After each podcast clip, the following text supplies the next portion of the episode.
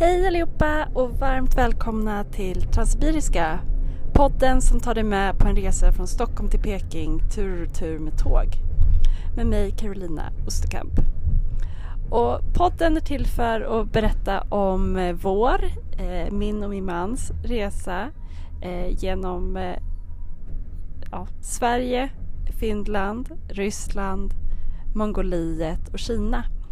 Eh, och dels berätta om eh, ja, hur själva resan är, eh, om länderna vi åker igenom, om de spännande saker vi lär oss och också ge er eh, tips på vägen om eh, ni någon gång skulle vilja göra en liknande resa. I dagens avsnitt pratar jag om eh, våra fyra dagar i Mongoliet. Vi hade extremt höga förhoppningar på, och förväntningar på Mongoliet. Så i dagens avsnitt får ni reda på om de besannades. Och det får ni genom att jag pratar om eh, deras huvudstad Ulan Bator, eh, dels också om landet angående saker som eh, Bagge, vår guide, inte tog upp i intervjun men som jag också tycker är intressanta och som jag gärna vill dela med er. Om naturen, eh, om Mongoliets mat, om vad vi gjorde med våra fyra dagar och sen en liten kort sammanfattning.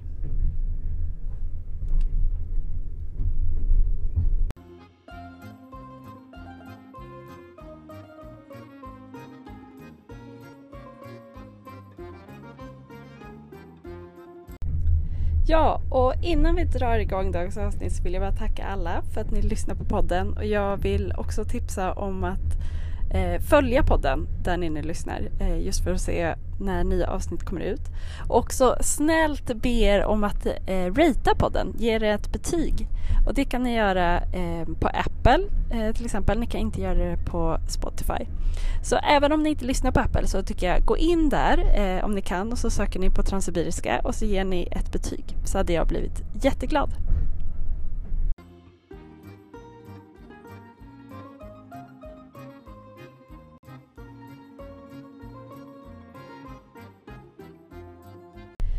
Ja, och då kickar vi igång eh, dagens riktiga avsnitt då. Och eh, vi börjar med Ulan Bator, huvud Ulan Bator. Och eh, jag kan väl säga att innan vi kom till Ulan Bator så hade vi hört att det var en hemsk stad av alla vi någonsin pratat med. Eh, och att vi skulle försöka undvika staden och bara ge oss ut på steppen direkt. Eh, ja, så vad var vår bild nu då? Eh, Ja, det första är väl att det är ganska sandigt. Det känns som att det blåser in sand överallt ifrån. Eh, det är också väldigt fula byggnader, precis som vi hade hört. Eh, och det är också väldigt dåligt efterhållna. Så ganska, ska jag säga, sjabbigt liksom. Att det ser nedgånget ut. Eh, trottoarerna är också ganska svåra. Alltså de finns, men inte jättebra.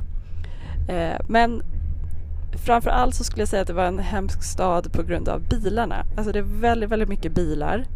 Eh, och även om vi åkte till ett naturreservat eh, långt bort så tog det säkert en och en halv timme att bara komma ut från stan. Eh, och jag och Peder tyckte det var en hemsk kö att sitta i en och en halv timme. Medan vår eh, guide och chaufför tyckte att det var en extremt eh, bra bildag. Eh, vi hade kunnat fastna på en och samma plats i en och en halv timme och så hade det tagit tre timmar. Så.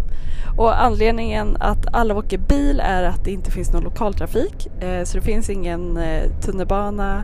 De eh, hade haft fler bussar och mindre bilar när det var eh, kommunistiska tiden. Men eh, nu så åker bussarna i samma filer som bilarna så att ingenting går snabbt egentligen. Och ja, man måste helt enkelt ha bil för att ta sig fram. Så att väldigt, väldigt mycket bilar, eh, svårt att hitta parkering, ja, därav ja, inte en jättetrevlig stad så. Men och det, även om man bor väldigt enkelt ute på steppen så kanske man bor i en sån där ger, ett sånt tält. Eh, men då har man fortfarande en fin bil. Och reflektionen där, en personlig reflektion är väl att det kanske är för att man ändå behöver spendera så mycket tid i bilen så att man vill gärna ha en fin bil. Eh, ja, så att biltrafiken och staden i sig är väl inte jättebra. Däremot eh, jättetrevliga restauranger, eh, jättetrevliga restauranger hittade vi. Eh, bland annat en bra vegansk eh, restaurang som heter någonting med Lula. Och vi hittade också Bailac igår, en restaurang nära vårt hotell där vi fick jättegod, eh, ja, dels en hälsotallrik och dels en italiensk pasta.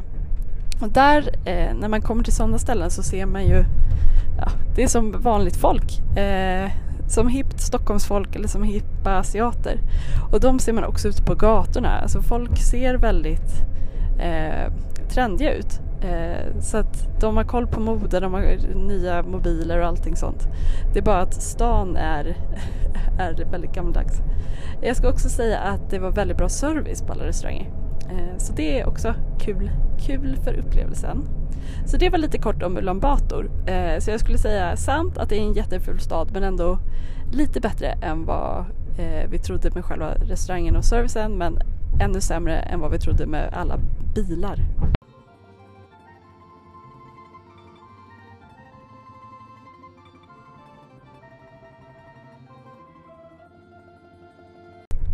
Ja, och angående Mongoliet så var, ni fick ganska mycket information ja, i intervjun med Bagi.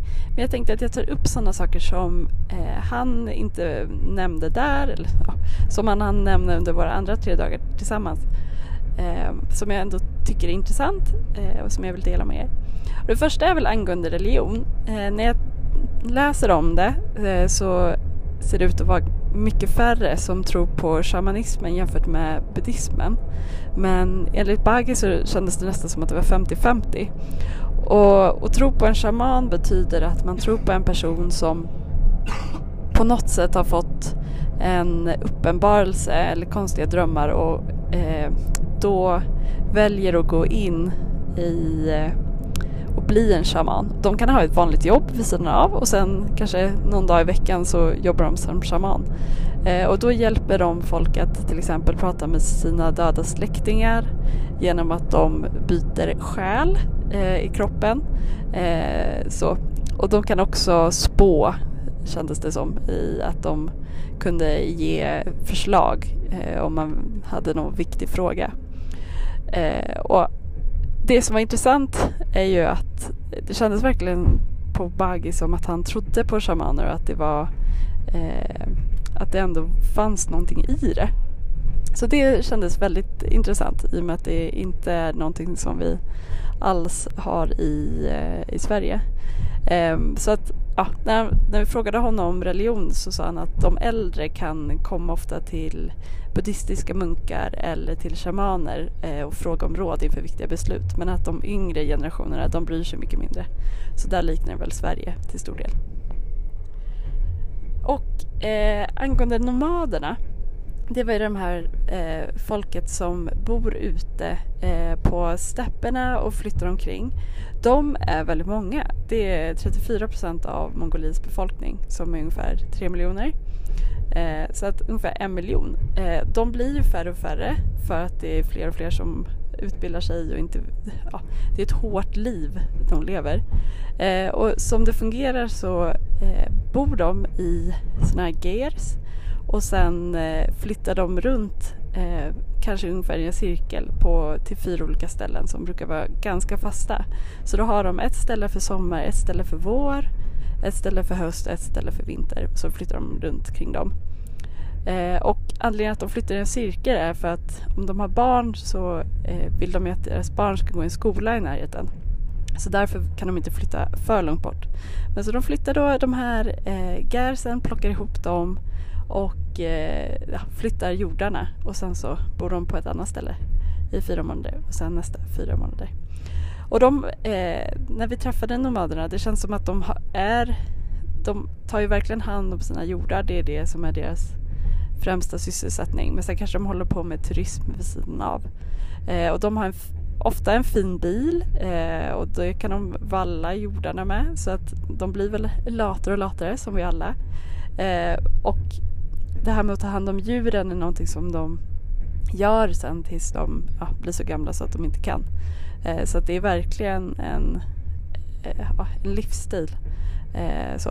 Och det är ändå väldigt många. Så att när vi var ute eh, på, i nationalparken så tittar man omkring och så ser man olika gärs på håll. Eh, så att det finns ändå väldigt mycket mark och väldigt många som lever det här livet. Och eh, hur är vanligt folk då? Vad tänker de och, om Mongoliet? Eh, och hur, hur lever de? Det är ganska lika som Sverige, att man flyttar hemifrån när man eh, gifter sig eller börjar plugga.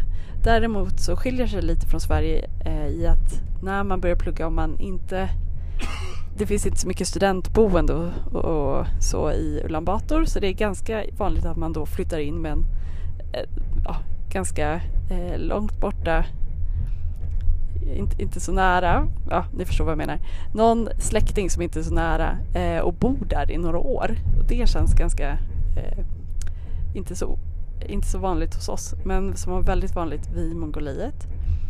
Eh, de är inte heller så positiva till politiken. Eh, de verkar ha väldigt mycket problem med korruption.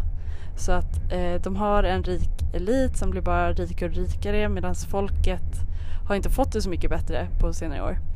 Så att man har bland annat jättelänge lovat den här tunnelbanan i Ulan Bator men det har inte hänt utan istället så, eh, jag läste någonstans att de hade eh, delat ut eh, ja, men pengar till folk, att de hade gjort så här fina event. De hade spenderat pengar på saker som var nice men inte som folk verkligen behövde. Och de har val men eh, politikerna som väljs in verkar eh, också ibland bli snarare kändisar eh, som har valts in snarare än politiker. Så till exempel nu så hade de någon känd brottare som var eh, politiker, någon sångare etc. Så mindre kunskap eh, men mer kändisskap är faktorer som gjorde att de blev invalda. Teknikmässigt eh, så verkar de ändå vara ganska uppdaterade. Eh, de verkar som många utvecklingsländer har gått från att inte ha så mycket internet till att gå direkt till att ha mobil och appar. Eh, och, ja, det fanns väldigt uppdaterad teknik för betalning, man kan betala online. Man eh, kan dels eh, välja att spara i US-dollar eller i Mongolis egen valuta och där är det mycket stabilare i US-dollar. Eh, så att ja, även om man bor i en gär och är nomad så hade man eh, ofta en TV och en mobiltelefon. Så ändå väldigt uppdaterat där. Kvinnor på arbetsmarknaden eh, verkar ändå som att det fungerar, att kvinnorna jobbar. Eh, semester eh, för gemene man verkade vara ungefär 20 dagar per år, såklart beroende på vad man jobbade med. Eh, kvinnorna jobbar precis som männen eh, och kvinnorna kan också vara hemma två år efter att man har fått barn eh, med pengar. Däremot inte jättebra eh, pension, precis som i Ryssland. Så där kanske man behöver jobba eh, några år även efter man har gått i pension. Och skolsystemet, eh, jag tror att det var gratis så länge man inte går på en privatskola fram till universitetet. Eh, men däremot för universitetet så behöver man betala så, och då är det såklart färre som kanske har råd. Eh, så ja, överlag så vissa saker känns som att de fungerar väldigt bra i Mongoliet och sen finns det saker som till exempel eh, korruptionen eh, som inte fungerar bra. Så ja, lite av ett splittrat land.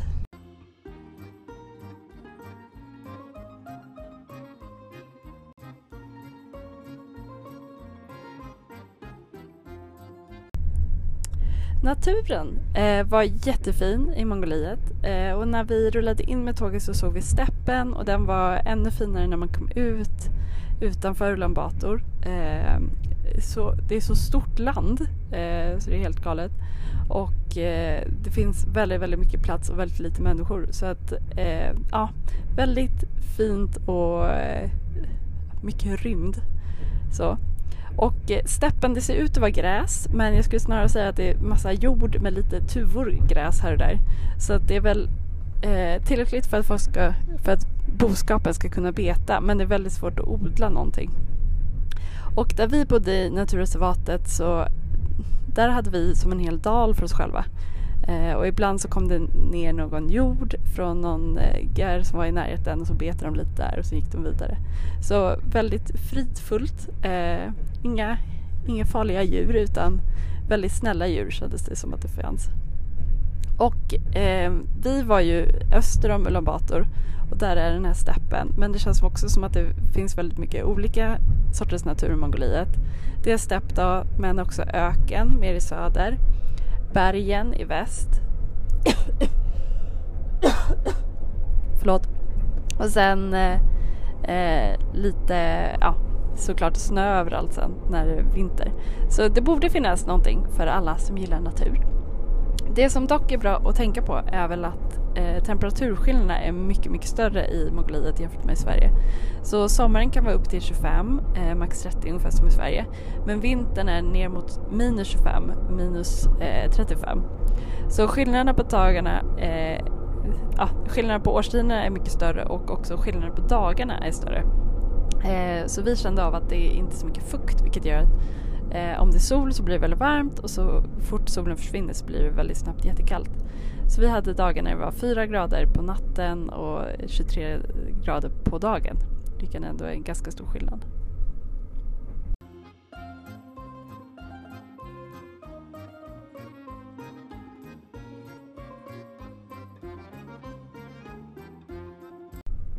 En annan sak vi gillade var eh, Mongoliets mat. Eh, den var väldigt, väldigt god. Eh, och det var också väldigt kul just ur kulturell, Eh, kulturellt seende och bara se hur det var. Eh, så till exempel så hade de dumplings, jättegoda, eh, som var lite av en nationalrätt. Eh, men de åt dem, istället för med pinnar så åt de med kniv och gaffel. Så allting åt de alltid med kniv och gaffel. De hade också något smördegsknyte som var nästan som en pirog eh, med grönsaker och ost i, också jättegott. Eh, de hade till frukost eh, någon gröt som var ris, mjölk och smör och vatten. Eh, också väldigt gott. Eh, mycket skulle jag säga mjölkprodukter. Eh, och här är väl skillnaden gentemot Sverige att de eh, mjölkar allt. Eh, de mjölkar hästar, de mjölkar getter, de mjölkar kor, eh, får, ja allting som går att mjölka mjölkar de. Eh, och så gör de massa olika produkter på det. Om det är eh, det här eh, de mjölkgrädde som vi åt tillsammans med eh, några eh, vad heter det? munkar. Eh, så så att, ja, de gör massa olika saker och lite torkad eh, yoghurt nästan. Så. Eh, de eh, känns som att de äter väldigt hälsosamt. Att det är liksom bra husman, att det är ris och sen lite kött. Ehm, och kanske någon lite sås till. Så. Eh, och det som också är kul är väl att eh, det de har som måltidsdryck är alltid te. Så att eh, vi trodde först att de skulle börja varje middag med te men det kändes också som att de, eh, de drack te som enda eh, dryck till hela middagen. Eh, så att eh, mycket Lipton-te har det blivit för oss.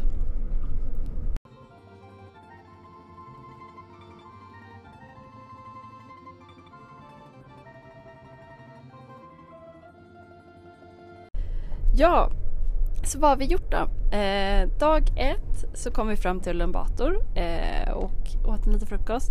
Och sen gick vi till eh, en av de sakerna som är mest kända i Ulaanbaatar och det är ett buddhistiskt tempel som de byggde någon gång på 90-talet eh, efter kommunismen. Eh, och där finns det idag jättemånga munkar som eh, utbildas där. Och när vi kom på morgonen så sa jag att de sjöng eh, ja, massa mantran. Eh, och vi kollade nog i en timme och de körde på hela, hela den tiden. Så att det känns som de, de kör på ganska, ganska länge. Eh, och munkarna i templet var allt från jag skulle säga barn på inte, nio till ja, äldre gamla män. Kanske på 65. Så det var verkligen en blandad, eh, blandad eh, en blandning. Och eh, det som också var lite kul var väl att det var ändå någon som satt och kollade på sin mobil samtidigt och någon annan som svarade i sin mobil. Eh, så ja, de lever väl också en blandning av ett eh, gammaldags och ett eh, nytt digitalt liv. Efter att ha varit i templet eh, så åt vi en jättegod vegansk lunch där på eh, lunchrestaurangen som heter någonting med Lula. Sen gick vi på deras stadsmuseum och där är väl tipset att eh, gå. Jag tycker det var jättebra bara för att få se lite om Mongoliets historia eh, och vad, i vilken ordning händer saker. Men det är inte så interaktivt så om man kan så är det väl jättebra att försöka hitta en engelsk guide som kan prata lite om det. Och eh, på kvällen så gick vi till en takbar eh, och där satt vi mest och skrattade åt trafiken, att det gick så långsamt. Eh, så, så kan man ha kul i Ulan Bator. Eh, dag två sen, det, då började våra, vår tre dagars utflykt eh, tillsammans med eh, Bagi. Och det vi gjorde var att vi åkte ut i en nationalpark som ligger ungefär 15 mil öster om Labator. Och där bodde vi i en camp, jag skulle säga en ganska ja, avskild och ganska lyxig camp gissar jag. Med eh, eh många gers, alltså kanske 20 gers eh, och ett hus eh, som ett vanligt hus där vi i huset så var alla måltiderna och det fanns toalett och dusch. Så att vi bodde i själva gären och sen så alla måltider och det hade vi i huset. Och på eftermiddagen, det tog eh, hela förmiddagen att åka dit, eh, så letade vi efter vilda får. De såg vi, så det var eh, succé. Eh, och efter det så åt vi en god mongolsk middag eh, som jag tror var dumplingsen. Och sen sov vi i en, eh, i en gär. Eh, och det var sex grader på natten men jag tyckte det gick väldigt bra. Dag tre, eh, då regnade det så vi gjorde intervjun med Baggy på förmiddagen där som jag hoppas att ni lyssnar på. Den är väldigt intressant. Det är kul att få hans bild av Mongoliet och vad han tycker att ni, ni borde se. Och på eftermiddagen eh, försökte vi rida men i och med att det hade regnat eh, så var det väldigt svårt för folk att eh, ha tid att fånga hästarna för att eh, de här hästarna är, det är inte ridhästar som alltid står inne i ett stall utan alla hästarna eh, som man rider är normalt sett ute ja, och bara betar som alla andra så att man behöver gå ut och försöka fånga de här hästarna. Och i och med att det hade regnat så var folk, eh, låg folk efter med att eh, vad heter det, mjölka. Så att eh, de hade inte så mycket tid att försöka fånga dem. Så vi fick inte till någon ridning utan istället så fiskade vi, eh, vi vandrade upp för någon kulle eller berg, eh, tittade på utsikten, vi testade pilbågsskytte som är en nationalsport. Eh, så ja, lite andra aktiviteter. Och sen sov vi i vår gär igen eh, och den natten var det ah, det måste varit noll grader eller två grader. Mycket kallare. Eh, så det gick, det gick bra men eh, då var det ändå, det började bli lite kallt. Men det är en bra isolering kan vi säga på de här gärdena. Dag fyra, sista dagen, eh, då åkte vi tillbaka till Ulan Bator och på vägen tillbaka så stannade vi vid ett buddhistiskt tempel som låg upp längs med ett berg och med jätte, jättefin utsikt. Så där eh, satte vi oss och mediterade. Eh, först så råkade vi sätta oss där munkarna eh, sitter så det fick vi en tillsägning att det var inte där vi skulle sitta utan vi skulle sitta lite längre bak. Kändes okej. Okay. Eh, så sen hittade vi våra platser och eh, satt och mediterade i tio minuter. Eh, och det känns som en chans eh, man vill ta, kunna eh, meditera i ett buddhistiskt eh, kloster eller tempel. Eh, vi stannade också på ett ställe eh, på vägen och red. Eh, däremot skulle jag säga att det kanske var en av de sämsta ridupplevelserna vi haft. Det var en person som gick framför och ledde hästarna. Och vi har ju hört väldigt mycket om de här mongolska hästarna från vår guide att de är mycket mer vilda än västerländska hästar. Att de inte rids in lika mycket. Så att det ska vara lite risky. Men oavsett så hade jag väl hoppats på att kunna rida eh, lite mer med att trava och bara rida lite mer fritt. Eh, så att det var väl en learning att vi hade kunnat eh, beställa det eh, att det var så vi ville rida mycket mer inför resan. Nu kändes det som att vi bara fick eh, försöka ta det som vi hittade i och med att det här var på sista dagen och vi hade inte fått till det på dag två på grund av regnet. Det som däremot var jättekul var att vi när vi red fick besöka nomadfamiljen som hade hand om hästarna och fick se deras gär och komma in där och eh, äta lite mellanmål hos dem. Eh, och mellanmålet där var de här friterade munkarna med den smörkrämen eh, som var gjord på komjölk och sen drack man också varm mjölk till. Jag vet inte, det kanske var något annat i den varma mjölken.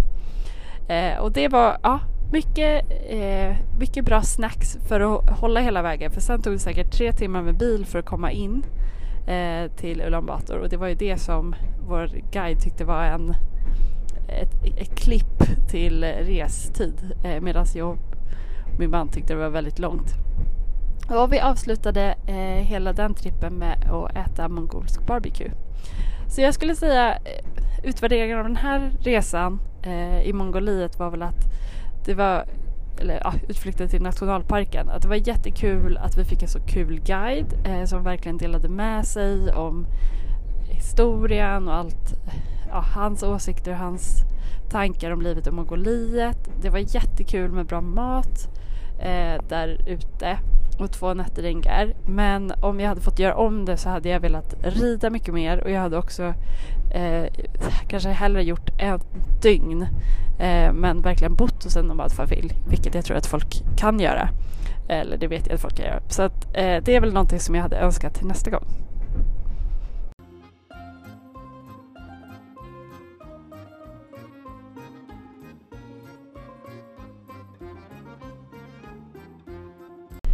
Ja, så för att sammanfatta hela Mongoliet då.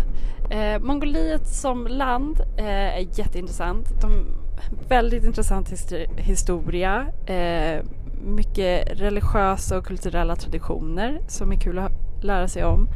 Eh, men det här ineffektiva politiska styret det verkar verkligen frustrera folk och även mig som turist i och med alla bilar. Eh, deras storstadsbefolkning eller ja, generellt befolkningen, de känns väldigt stolta över sitt land och sin historia.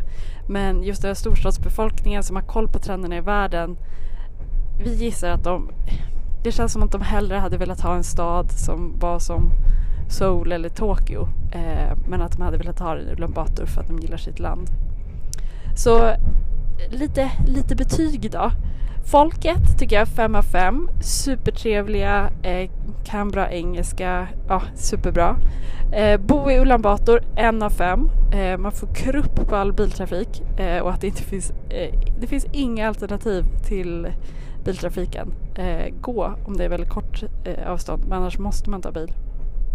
Resa i Mongoliet, eh, 5 av 5. Eh, det är bara för att det är så fantastisk natur. Eh, ja, det känns som ett jätte, jättekul land att se och lära sig mer om.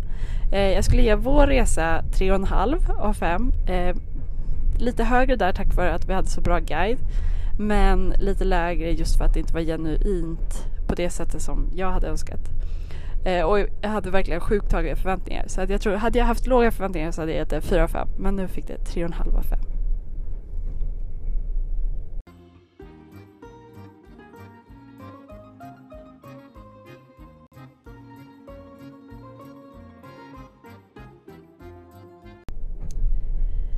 Tack för att du valde att lyssna på dagens avsnitt om Mongoliet. Eh, hör jättegärna av dig om du har fler frågor eller kommentarer.